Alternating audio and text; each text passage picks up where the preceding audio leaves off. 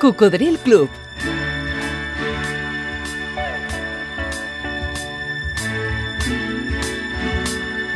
Trenta anys en antena.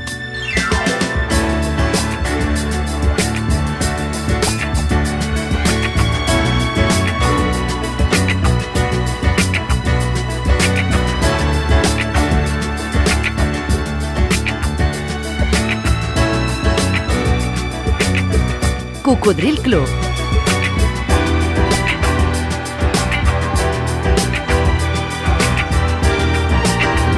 El programa revival de l'Albert Malla.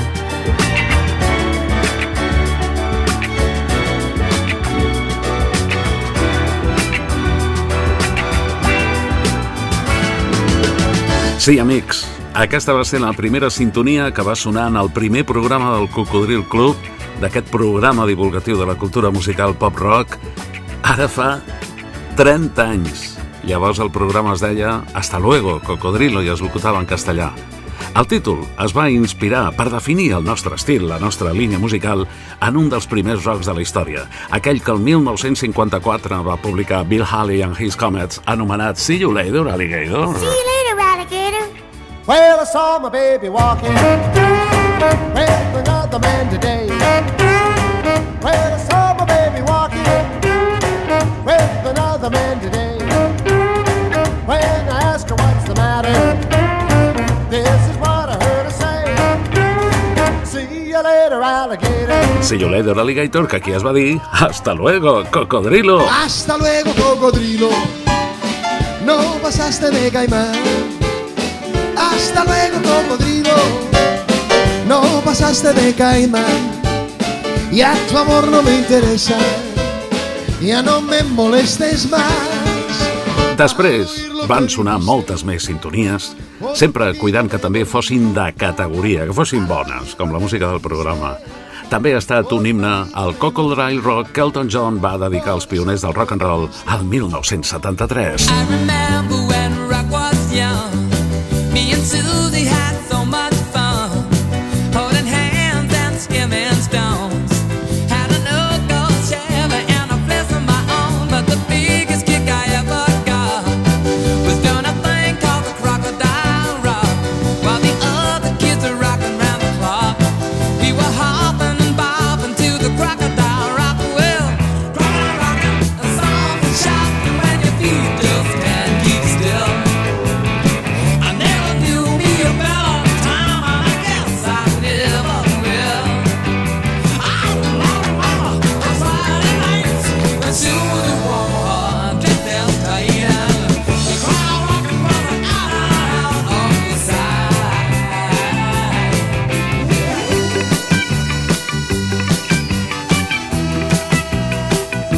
Curiós.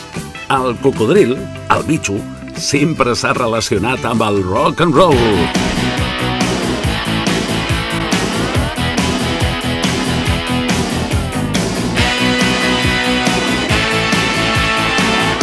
Hasta luego, cocodrilo. When I saw my baby walking I aquest 30 aniversari del Cocodril Club arriba en un moment en el que el programa gaudeix de molt bona salut. Hem arribat a acords perquè s'emeti per a més emissores, ja són més de 100. En la modalitat d'escoltar-nos en diferit o de descarregar el programa, allò que en diuen podcast, que ara s'està posant tan de moda, resulta que som els segons. La plataforma de podcast ivox.com m'ha comunicat que el Cocodril Club és el segon programa més escoltat en el gènere de música pop-rock. Hem de tenir en compte que, al contrari que la resta dels cinc primers programes, en el Cocodril Club la locució és en català, un detall que pot limitar l'audiència davant dels que ho fan en castellà. I també que el seu àmbit de cobertura a la FM tradicional i, per tant, per on podem promocionar que ens escolteu en diferit, és només Catalunya, Andorra i Balears, altres programes d'aquests cinc primers es realitzen en castellà i en cadenes que tenen cobertura per tot Espanya. També com a curiositat, us direm els 10 països, a més a més de l'estat espanyol, que més es descarreguen el programa per escoltar-lo en diferit. Són Itàlia, Suïssa, Alemanya, Israel, França, Guinea Equatorial, Mèxic, Portugal, Eslovènia, i la Índia. Aquests són els 10 països fora d'Espanya que més escolten el programa. A mi m'agradaria molt, com fan de tant en tant aquests amics, que ens enviïn un correu electrònic per fer-nos saber que tan lluny segueixen el programa. El correu és el cocodrilclub arroba gmail.com Algú va dir... Només aquells que s'atreveixen a tenir grans fracassos acaben aconseguint grans èxits. Radio Marca. Això és Cocodril Club. El programa revival de l'Albert Malla.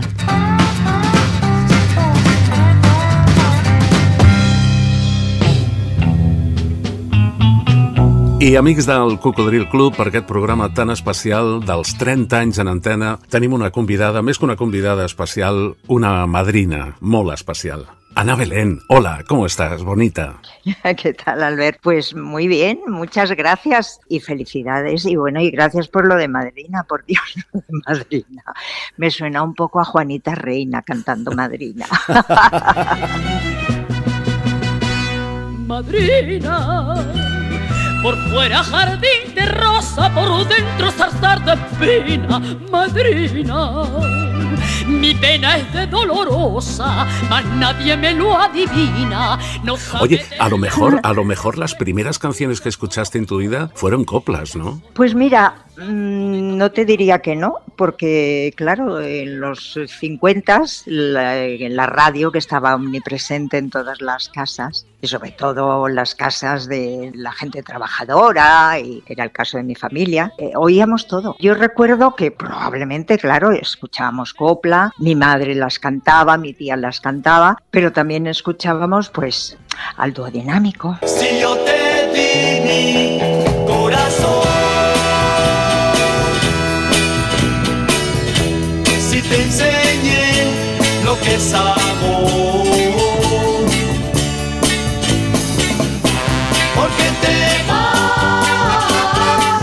A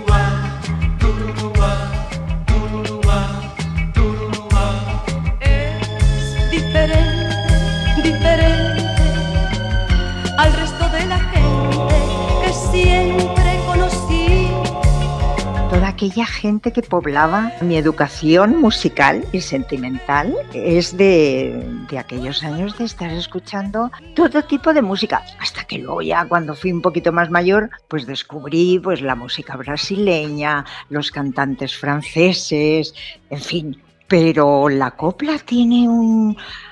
Además es que se han hecho canciones maravillosas dentro de la copla, ¿eh? porque eran canciones buenísimas, estaban escritas estupendamente. Eran canciones muy bien construidas, ¿verdad? Muy bien, muy bien. Contaban una historia intensísima y muy bien contada eh, en tres minutos, que además era lo que las canciones duraban entonces. Y lo contaban perfectamente. Ana, estamos en la radio, por lo que me cuentas, la radio ya fue importante, ya formaba parte de tu vida desde que, desde que tienes uso de razón, desde que tienes recuerdos, pero luego ya como profesional, la radio también ha sido importante para ti, ¿no? Creo recordar que empezaste cantando en una emisora de radio de Madrid. Claro, claro. Es que, bueno, ahora quien nos esté escuchando y sea jovencito dirá, pero ¿de qué están hablando? La prehistoria. Pues sí, es la prehistoria. Pero hubo una época en que para acercarte a lo que querías hacer, y yo quería ser cantante y me gustaba la música y quería ser cantante. Luego lo de actriz vino después, pero yo quería ser cantante y el único modo de acercarte a la música eran los miles de programas radiofónicos que había en los años 60. En cada emisora había un programa musical radio, se cantaba en directo.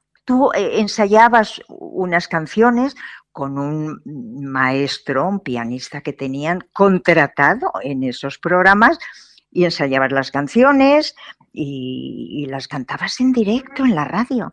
Y ese era el canal por el que a, o sea, a mí me descubrieron porque me, me, me, escucharon en la radio cantar. ¿Y fue por eso que te invitaron o te propusieron participar en la película Zampo y yo? Sí, claro, fue ahí un jefe de producción de cinematográfico, Manolo Pérez, toda la vida lo recordaré, era el jefe de producción de una productora, Época Films. Productora que había producido las cuatro primeras películas de Rocío Dúrcal. Cuando Rocío eh, se hizo mayor, bueno, pues trataron de buscar un, reemplazo. Y entonces la mujer de este señor, Manolo Pérez, un día le dijo, ¿no estáis buscando una niña? Pues yo he escuchado en la radio una cría que canta muy bien y tal. Y entonces vinieron a buscarme, me hicieron unas pruebas y acabé haciendo zampo y yo, imagínate.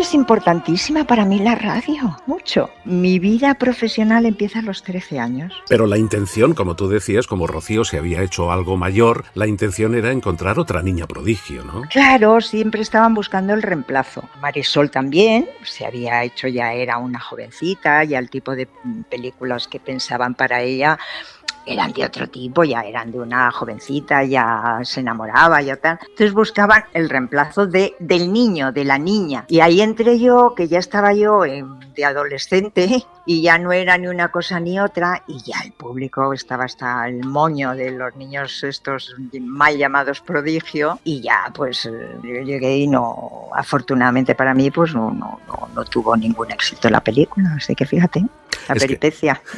es que yo te descubrí con Y yo, pero no viendo la película, sino comprando el disco en el corte inglés, ¿sabes? Fíjate, esos discos que er- eran dos de cuatro canciones. Sí, sí, era un, un EP, un extender play. Sí, sí. Y a partir de ahí, luego tuve al cabo de unos años eh, eh, el lujo de poderte entrevistar en varias ocasiones, vi tus películas, fui a tus conciertos, en fin, he pasado toda la vida cerca de ti, Ana. Así que estoy, sí, claro. Es que soy, claro, es que soy muy mayor y entonces, pues la gente más joven como tú, pues claro, soy una presencia que está ahí desde hace muchos años. A esto solo se llega por, por edad, ¿eh?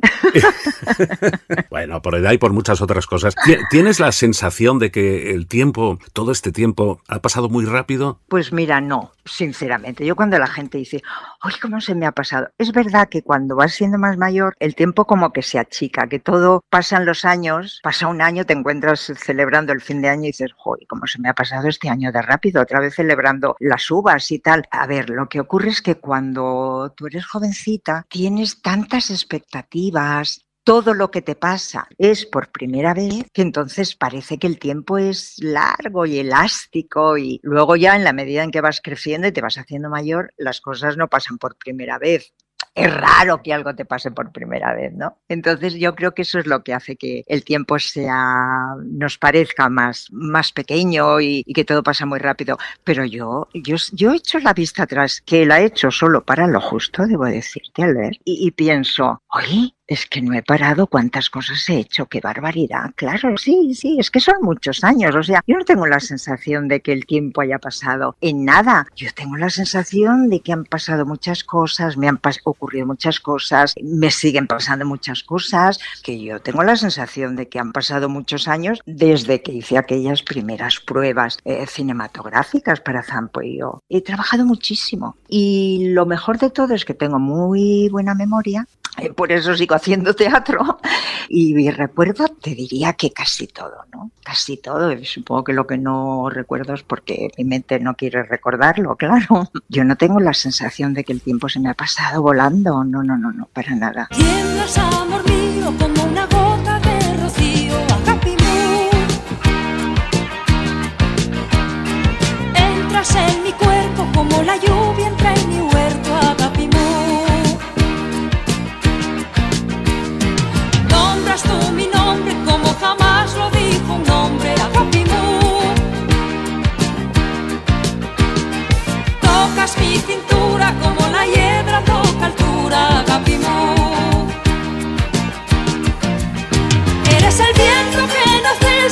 es el peso que no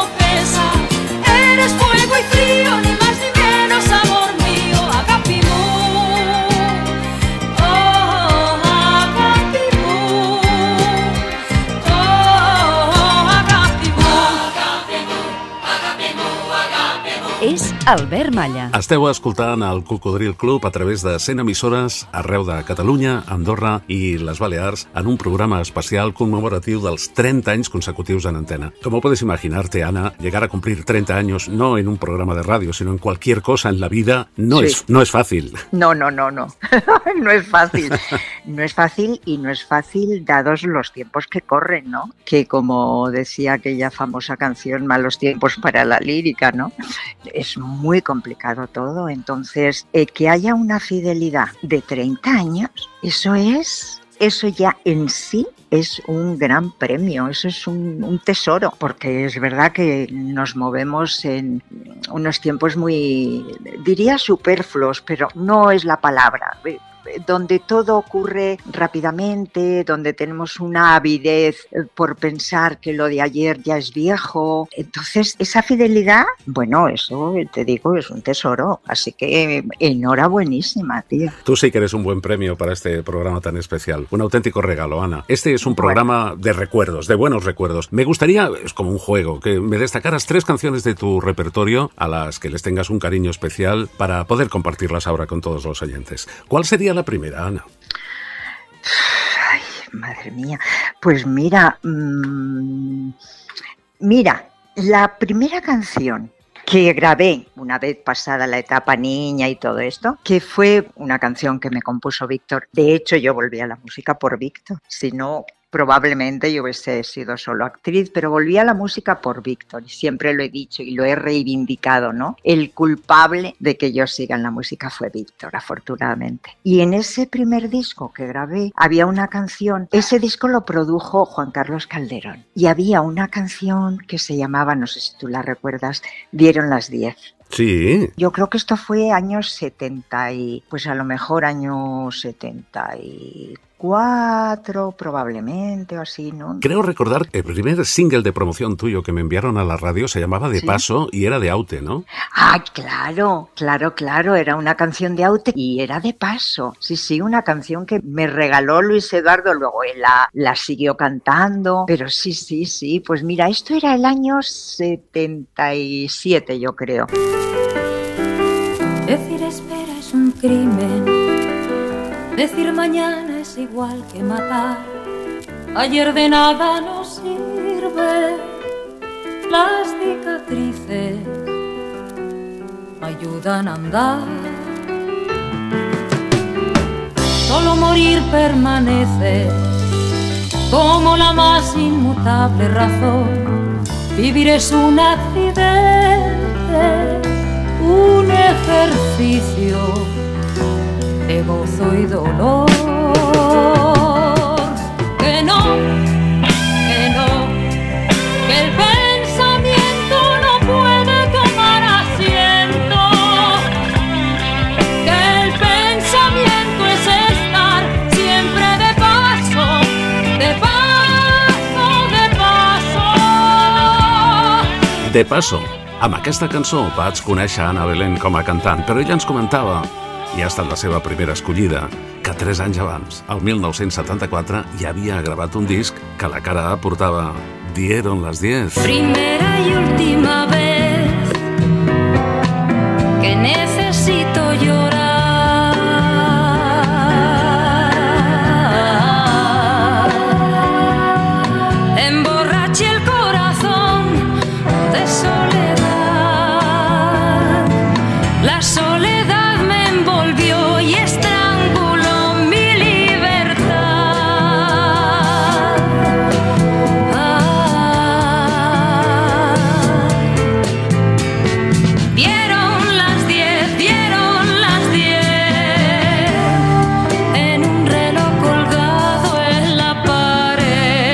Dieron las 10, un disco que seguramente pasó desapercibido para muchos de los admiradores de Ana Belén. Y de paso que fue ya un intento serio, podríamos decir, de, de- de promocionarte como cantante. Ya te conocíamos como actriz, claro. Sí, yo creo que fue ya una manera más como de decir, "Mm, soy cantante, es decir, yo puedo tener un sitio dentro de la música, aunque mm, eh, a lo largo de mi vida siempre por mi manera de ser o, por cómo me han etiquetado en este país. Ya sabes que pues, solemos siempre etiquetar y encajonar porque eso nos resulta más fácil. Entonces a mí siempre me han dicho, esta actriz que canta o esta cantante que ahora quiere ser actriz. De toda mi vida ha sido eso, ¿no?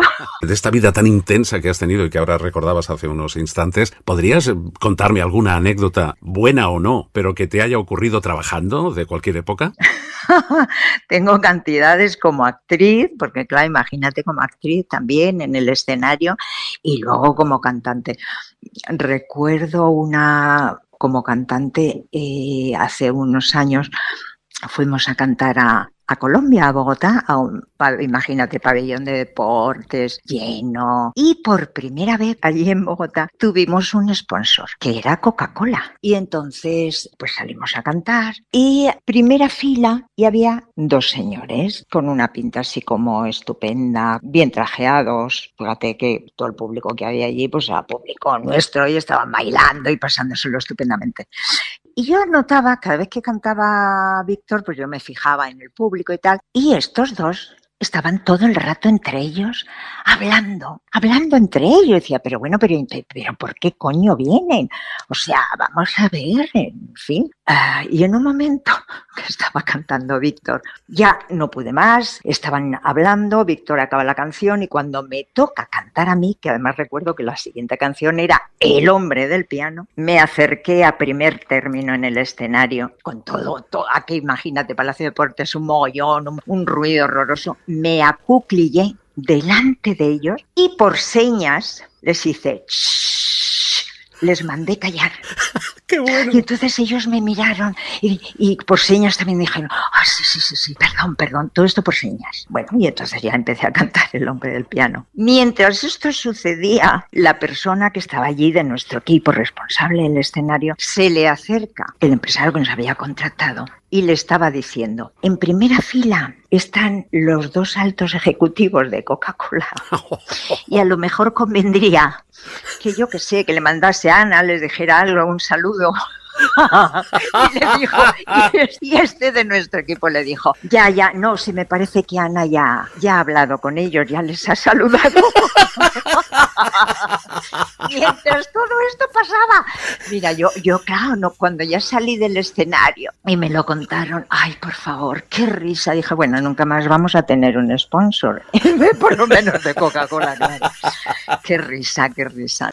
Es una anécdota buenísima, Ana, y una confirmación de la buena memoria que tienes. ¿eh? Eh, Esas cosas no se olvidan. De tus tres canciones especiales, ¿cuál podría ser la segunda? Pues bueno, mira, El hombre del piano, ya que hemos hablado de esa canción, yo creo que El hombre del piano, que en sí sola es una buenísima canción, pero además con la adaptación que hizo mm, Víctor de la letra del texto, me parece que la, la canción tomó una identidad por sí sola. Y yo personalmente debo decir que es mucho más potente la historia de que hizo Víctor, pero es más potente que el original, la letra. Y bueno, y a mí me ha dado tantas alegrías esa canción que podemos dejarla como otra de las tres canciones. Claro, claro que sí, es una adaptación brillante y además en España al menos fue mucho más conocida que la original de Billy Joel. ¿eh? Sí, sí. La escuchamos. Esta es la historia de un sábado,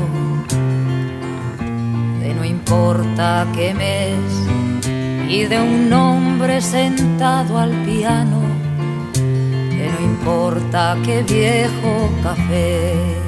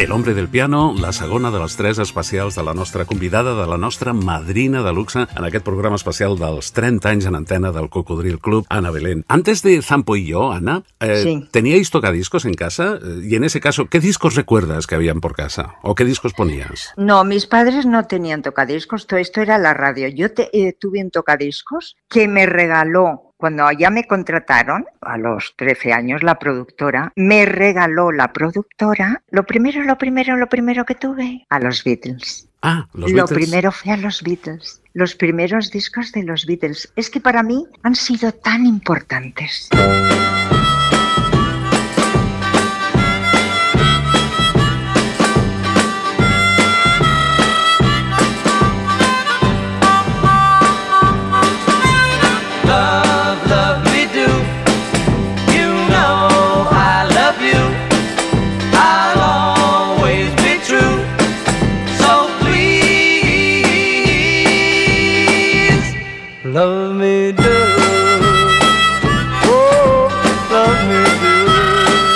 Primers discos dels Beatles van ser els primers que va poder posar en el seu recent estrenat tocadiscos la nostra convidada especial d'avui, la nostra madrina dels 30 anys del Coco, Ana Belén. So please,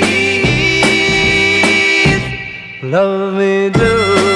Y además costaban tanto poder comprártelo. Claro, ¿qué ocurría? Que cuando te conseguías comprar un disco, te lo aprendías de memoria, aunque no supieses inglés, como era el caso de todos nosotros. Lo cantábamos en Aguchi Fluri. Entonces, claro, claro. Y, y nos, lo, nos aprendíamos esa letra que la aprendíamos de mentira, mm, pero que nos sonaba, y, y nos aprendíamos, yo recuerdo hasta, hasta los, los, los toques de guitarra, eh, los golpes de batería, aquí entraba esto, aquí entraba lo otro, porque estábamos todo el día con ese disco, esa canción, para adelante, para atrás, levanta la aguja, vuelve a bajarla, vuelve a ponerlo, venga, ay, cuidado que se me ha rayado el surco. Bueno, bueno, como qué sufrimiento era, pero qué maravilla. Esos primeros discos, esa emoción. Y luego lo siguiente que tuve fue mi descubrimiento de la música brasileña. A circular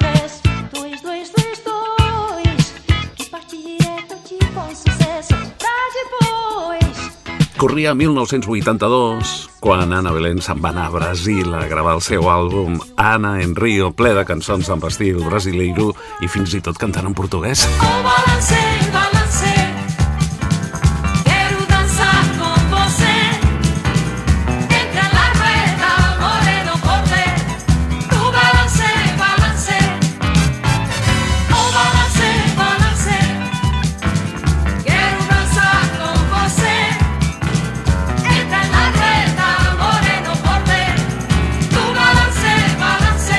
ya, ya que la radio ha sido tan importante para ti y que era tan importante entonces y tenía unas audiencias millonarias, por casualidad, ¿recuerdas la primera vez que escuchaste un disco tuyo por la radio? No, eso sí que no lo recuerdo. Pero claro, supongo que sería discos de Zampollo. Algún compañero o compañera tuya con esta pregunta me ha dicho que la primera vez que escuchó una canción suya por la radio fue en un taxi y que le dio mucha vergüenza decirle al taxista, soy yo. Yo eso no lo hubiese dicho nunca. Yo me hubiese metido en el sillón, el de atrás. ¿Sabes por qué no lo recuerdo? ¿En qué momento escucharía yo la canción en la radio? Que supongo que sí, claro. Porque había sido tan fuerte, tan fuerte, ¿no? Cuando yo me vi en pantalla cantando. Cuando yo fui a una primera proyección de la película, ya con los títulos de crédito y mi nombre allí puesto, es que yo me había doblado la película, porque las películas entonces no había sonido directo, eran todas dobladas. Y entonces te tenías que doblar y, y aprendías a doblar, claro, no a fuerza horca, no, hay- no había otra. Pero cuando yo vi la película terminada en, en la sala de proyección, que estaban los productores, tal, alguien más, familia y tal, era tan potente la imagen que me quedé un poco shock. Eso sí lo recuerdo perfectamente. Me quedé choqueada, de verdad. Ahora recuerdo como el malogrado Pachi Andión fue uno de los que me dijo que cuando no era conocido y había grabado su primer disco, lo escuchó en un taxi y, Eh. y no, no dijo nada, pero dijo que para él fue muy reconfortante. claro, por supuesto. Pachi Andión, ¿qué tal? ¿Qué tal? Me imagino que a pesar de los años que llevas, a mí muchos, muchos compañeros tuyos me han dicho, es que la sensación cuando editas un disco nuevo, poner la radio y ver y escucharte que están poniendo Ah, tu disco nuevo, esa sensación es es estupenda, Eso ¿no? Muy tranquilizador, muy tranquilizador. Eso es muy tranquilizador, sí. Sobre sí. todo la primera vez, me imagino. Sí, sí. No, no, siempre, siempre, porque, porque aquí cada, cada vez es la primera vez. Ir en un taxi y y saber que al mismo tiempo te están escuchando, pues no solo ese taxista, sino, bueno, pues sí, claro que sí. ¿Cómo no va a ser reconfortante? Decir, bueno, pues parece ser que en lo que yo quería hacer en la vida, pues parece que tengo un poquito de razón. ¿Cuál sería la tercera, Ana? Bueno, la tercera es una canción que, claro, nos dio tantísimas alegrías a Victoria y a mí, que no puedo dejar de, de pedírtela, La Puerta de Alcalá. Aquello fue de un impacto comercial tremendo. Sí, ¿eh? sí, sí, sí, no. Creo que, primero, la canción es buenísima, cómo plantea, ¿no? Cada una de las épocas de, ese monumento, ¿no? Que, que vivió. Y luego la música es genial, porque es una música que te lleva, te moviliza, que es absolutamente optimista, ¿no? Entonces, eh, esa unión hizo una canción fantástica. Pero nosotros la cantamos, la grabamos porque nos gustó muchísimo. Son de, de Mendo y Fuster y nos gustó muchísimo grabarla. ¿Qué pasó? Que de repente fue una canción que iba a decir se nos fue de las manos, pero realmente sí, o sea que de repente la canción se hizo famosísima en países que ni pensábamos, de gente que había venido, había pasado por España, se habían llevado el disco, lo habían llevado, yo qué sé, por ejemplo, a México, bueno, y, y- empiezan a hacer versiones curiosísimas con mariachis, no mariachis, en fin, y nosotros no fuimos ni siquiera a hacer promoción. Y cuando fuimos a cantar a México nos encontramos con que esta canción era un éxito increíble. Cuando cantamos allí fue, fue, bueno, tremendo. Entonces fue una canción que nos dio tantísimas alegrías sin proponérnoslo. Es que cuando me dicen, bueno, y entonces el éxito, tú que has tenido el éxito, ¿dónde está el éxito? Yo qué sé, es que si supiésemos dónde está el éxito, no pararíamos de hacer eso. Pero no nos engañemos, el éxito viene en un momento determinado que coincide en lo que tú haces con lo que la gente, el público, en ese momento está dispuesto a escuchar y hacer suyo. Eso, en otro momento de la vida, eso igual no, no hubiese funcionado. Entonces nunca sabes dónde está el éxito. Bueno, lo que hay que hacer es tratar de hacer buenas canciones, tratar de hacer bien tu trabajo y ya está. Si luego viene un éxito muy grande, tantísimo mejor. Pero el éxito, éxito es hacer realmente bien, estar contento con, con eso que haces. Además, si no me equivoco, formaba parte de un álbum con un título fantástico, ¿no? Para la ternura siempre hay tiempo. Sí, sí, sí. Que no era una canción, era una frase de la canción Niña de Agua. No es que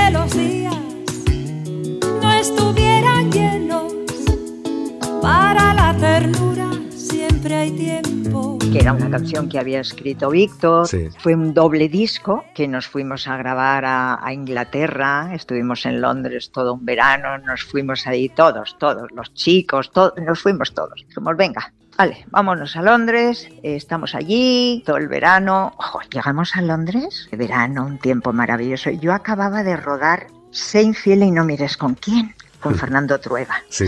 Y terminé la película y nos fuimos para allá. Y llegamos, ah, verano, qué maravilla, Londres, el verano. Al día siguiente empezó a llover.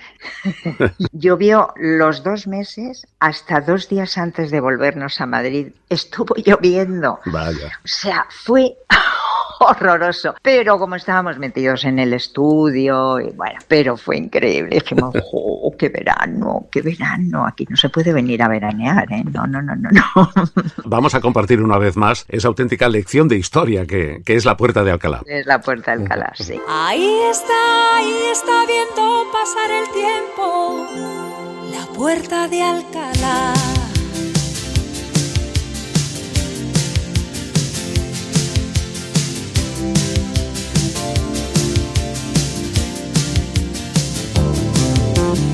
Una mañana fría llegó Carlos III con aire insigne se quitó el sombrero muy lentamente bajó de su caballo con voz profunda le dijo a su lacayo ahí está la puerta de Alcalá. Ahí está ahí está viendo pasar el tiempo la puerta de Alcalá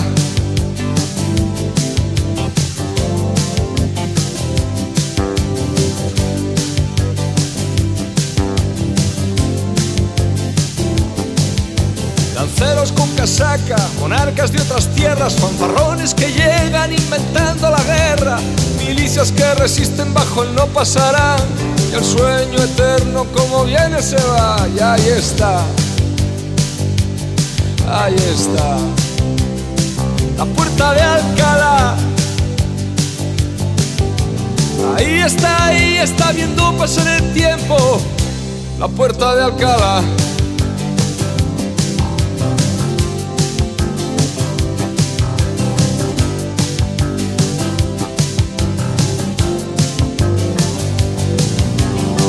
Todos los tiranos se abrazan como hermanos, exhibiendo a las gentes sus calvas indecentes, manadas de mangantes, 200 estudiantes inician la revuelta, son los años 60 y ahí está, ahí está, la puerta de Alcalá.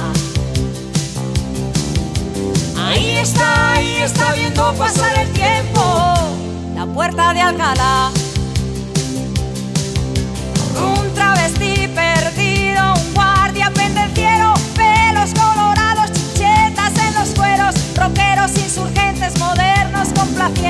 Poetas y colgados, aires de libertad.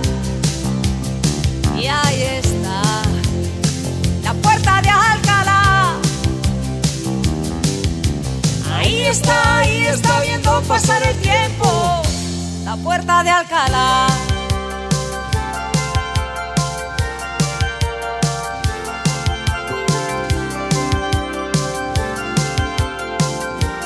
Escoltes Cocodril Club. La miro de frente y me pierdo en sus ojos. Sus arcos me vigilan, su sombra me acompaña. No intento esconderme, nadie la engaña. Toda la vida pasa por su mirada. El programa Revival de l'Albert Malla. Mírala, mírala, mírala, mírala, mírala. La puerta de Alcalá. La Puerta de Alcalá, la tercera de les tres especials de la nostra madrina dels 30 anys en antena del Cocodril Club, Ana Belén. Podríamos haber dicho muchas más, pero mm, las dos que me gustan más de ti no las has dicho, así que las pienso poner igual. ¿Y cuáles son? Pues Dime. son A la sombra de un león, Ah, pensaba decírtela. Llegó con su espada de madera y zapatos de payaso a comerse la ciudad. Compró suerte en Doña Manolita y al pasar por la Cibeles quiso sacarla a bailar un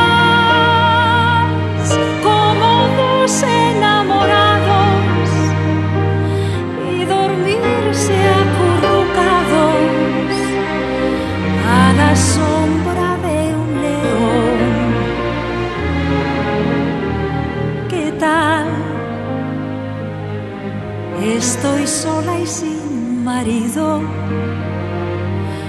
Gracias por haber venido a abrigarme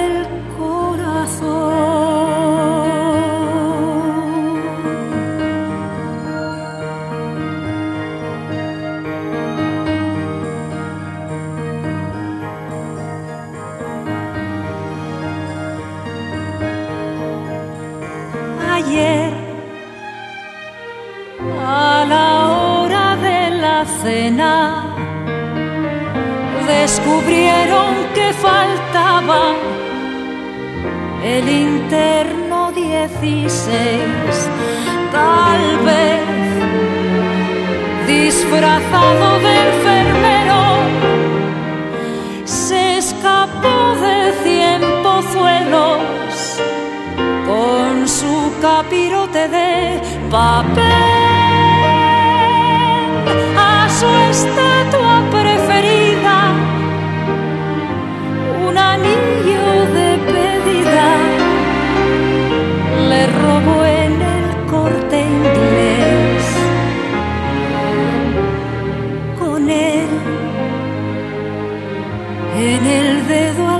siguiente. Vi a la novia de la gente que lo vino a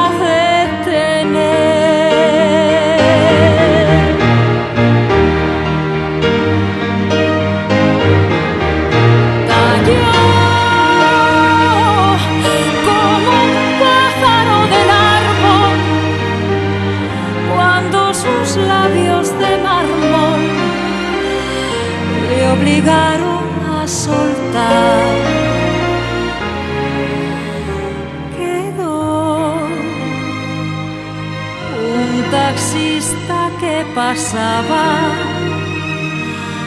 mudo al ver cómo empezaba la Cibeles a llorar y chocó contra el banco central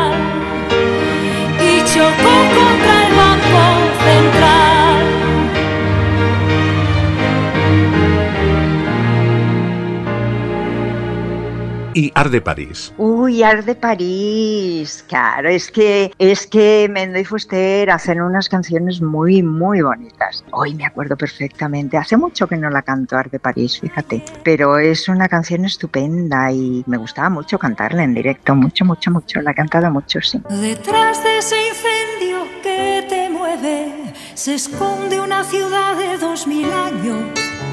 Detrás de ese incendio dice que solo existe el mar.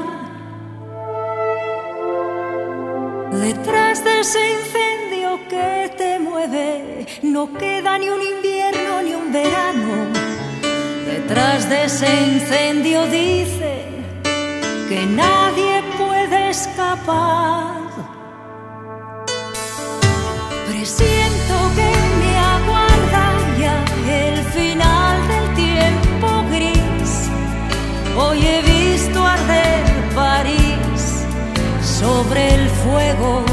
de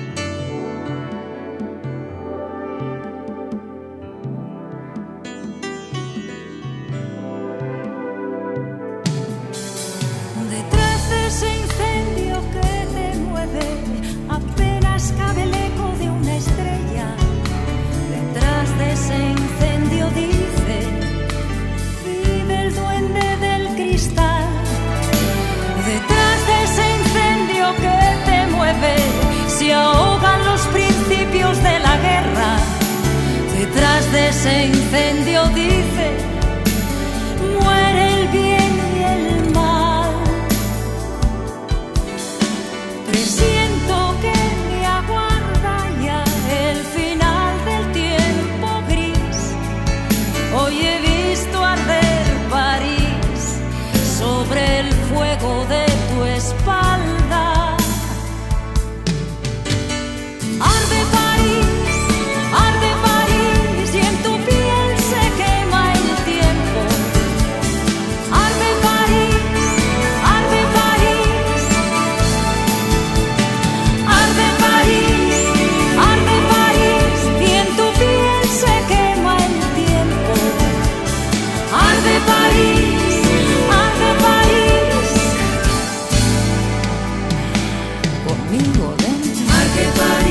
Es una preciosidad. Y bueno, luego hay otra, yo también hago de disc jockey, ¿sabes? Y en mis, sí, y en mis sesiones a veces, bueno, a veces pongo derroche, porque todavía pongo lentos, y va muy bien como transición de lentos a rápidos, el derroche. El reloj de cuerda suspendido, el teléfono desconectado, en una mesa dos copas de vino y a la noche se le fue la mano.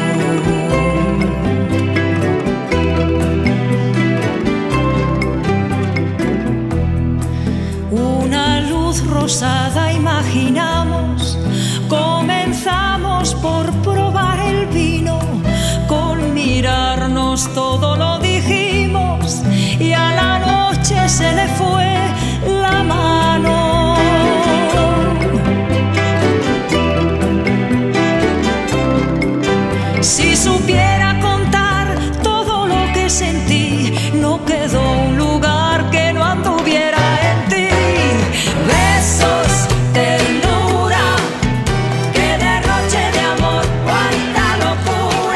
Pero también cuando están bailando rápidos pongo No me voy sin bailar. Me encanta. Me encanta.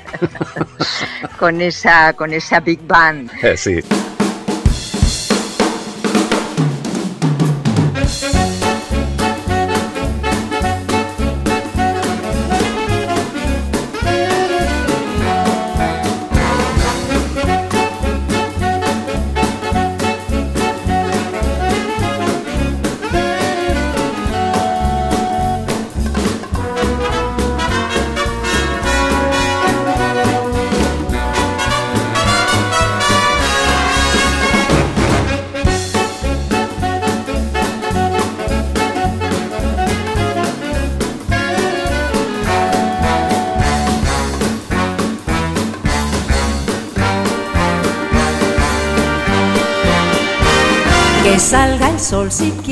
No es que yo esté borracha de anís, no me voy a quedar oh, sin bailar. Por más que insistas, no voy a dormir, prefiero un dolor que estar junto a ti, no me voy a quedar oh, sin bailar. Siempre has sido triste y aburrido,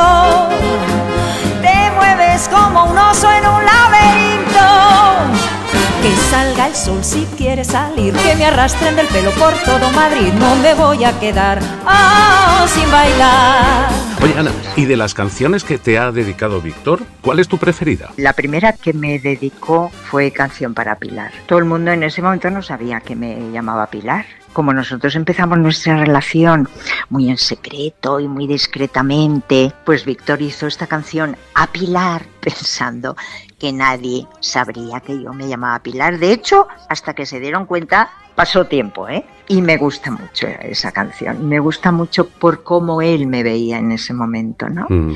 Sí, sí, me gusta su manera, su mirada sobre mí. Y te digo más, tan es así que un día debía ser un homenaje, que estábamos con Pilar Miró y tal, y, y Pilar Miró con- contaba, dice, y cuando Víctor sacó canción para Pilar, dije, ¡ay, Víctor, qué maravilla! Pero se me ha dedicado una canción. me ha dedicado una canción a mí, qué maravilla. Esto, claro, es porque hemos trabajado juntos, hemos rodado, ta, ta, ta.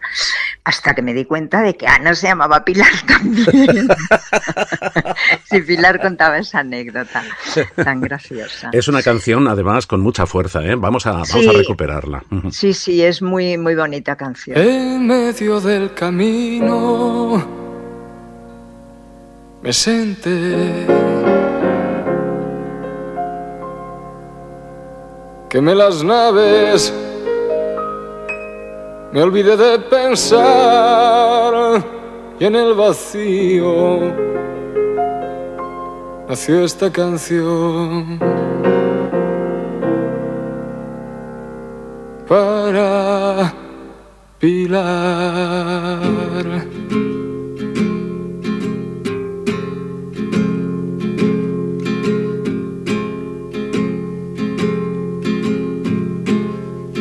Como el viento y el mar,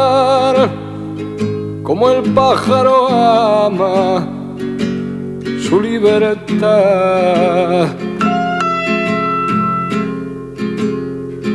Como el vino y la sal, como el aire y el pan, así es Pilar.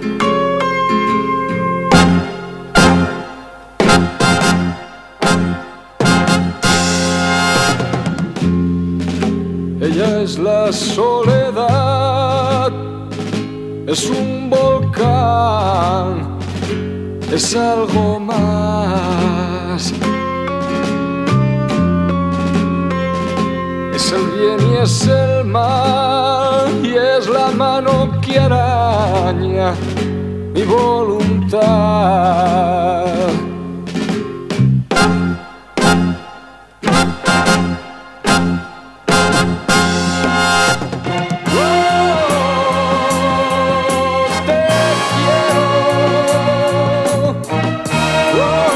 Aquesta canció per a Pilar, original de 1971, és la que més li agrada a Ana Belén de totes les que li ha escrit, de totes les que li ha dedicat la seva parella, Víctor Manuel. Y, ah, y luego había una canción, Nada sabe tan dulce como su boca, me, me gusta mucho también.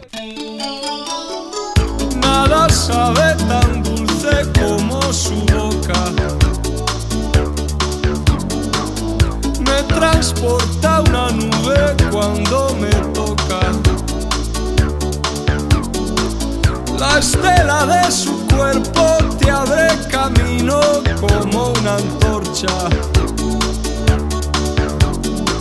Tempestades desata mientras escapa sobre su escoba.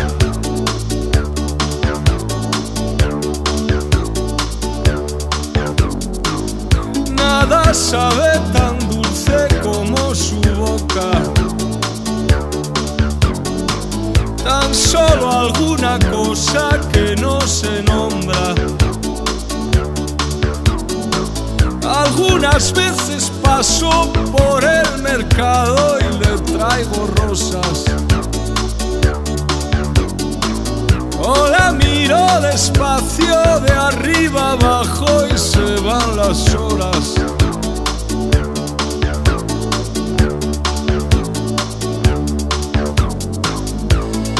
Soy un héroe, lo sé, es fácil como pueden ver colgarse con esa mujer, pisar por donde pone el pie. Que podría contar que no imaginéis mi patria, mi bandera, mi segunda piel, el lugar donde quiero volver.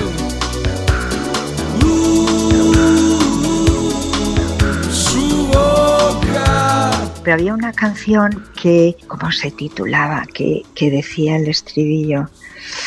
Todas son como tú, pero no te pareces a ninguna. Sí, todas son como tú. ¿Es en esa canción en la que Víctor dice, si no fueras tan vaga, trabajarías menos? Trabajarías menos, exacto. ¿Qué quiso decir con eso? Pues mira, quiso decir que yo toda la vida he dicho, ay Dios, que tendría que haber hecho esto. Yo tendría que haber hecho lo otro, yo tendría que haber, ah, sí, haber estudiado más inglés. Y yo es que pues, soy un poco vaga, yo soy vaga. Y entonces Víctor escribió eso en una canción. Si no fueras tan vaga, trabajarías menos. Porque él sabía que yo no he dejado de trabajar nunca, nunca, nunca. Bueno, ni él ni yo hemos lo que hemos hecho en esta vida, aparte de pasárnoslo muy bien y muy bien con nuestro trabajo, ha sido eso, trabajar, trabajar, trabajar, trabajar. Si no fueras tan vaga, trabajarías menos.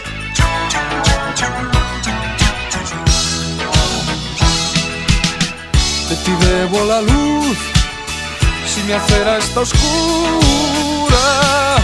Todas, todas son como tú, pero no te pareces a ninguna.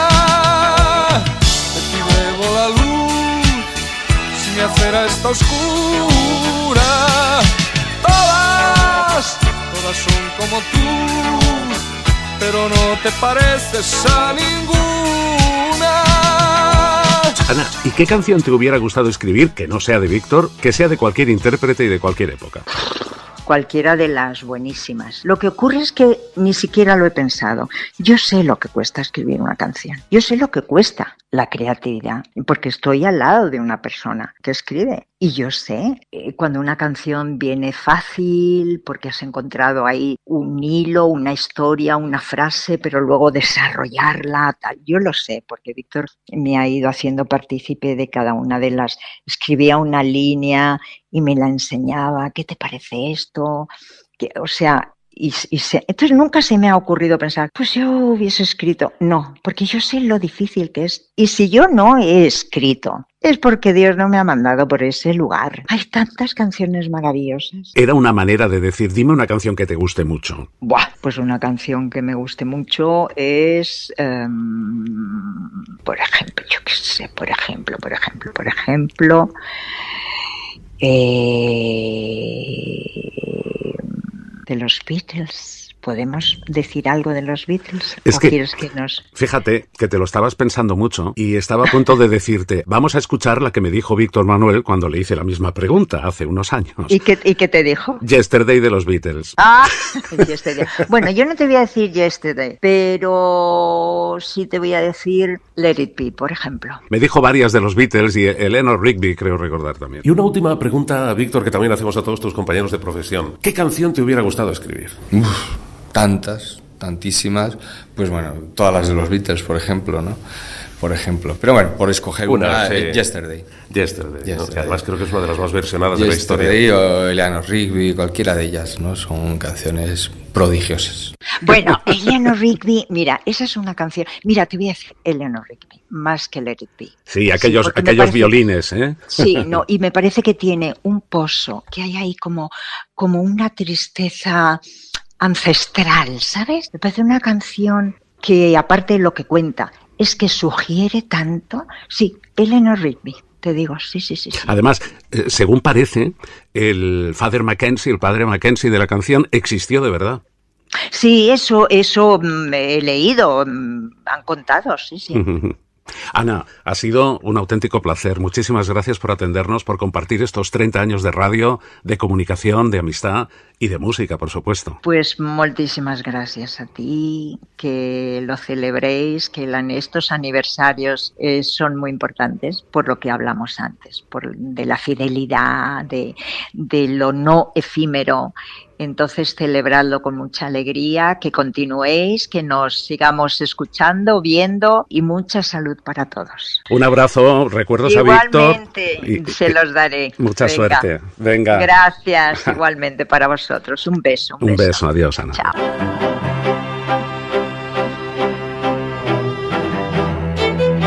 Cocodril Club.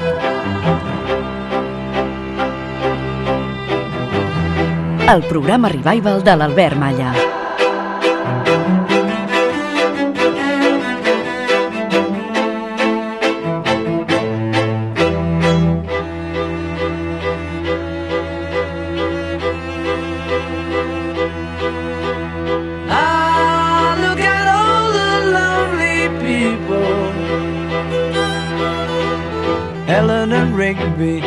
Picks up the rice in the church where a wedding has been.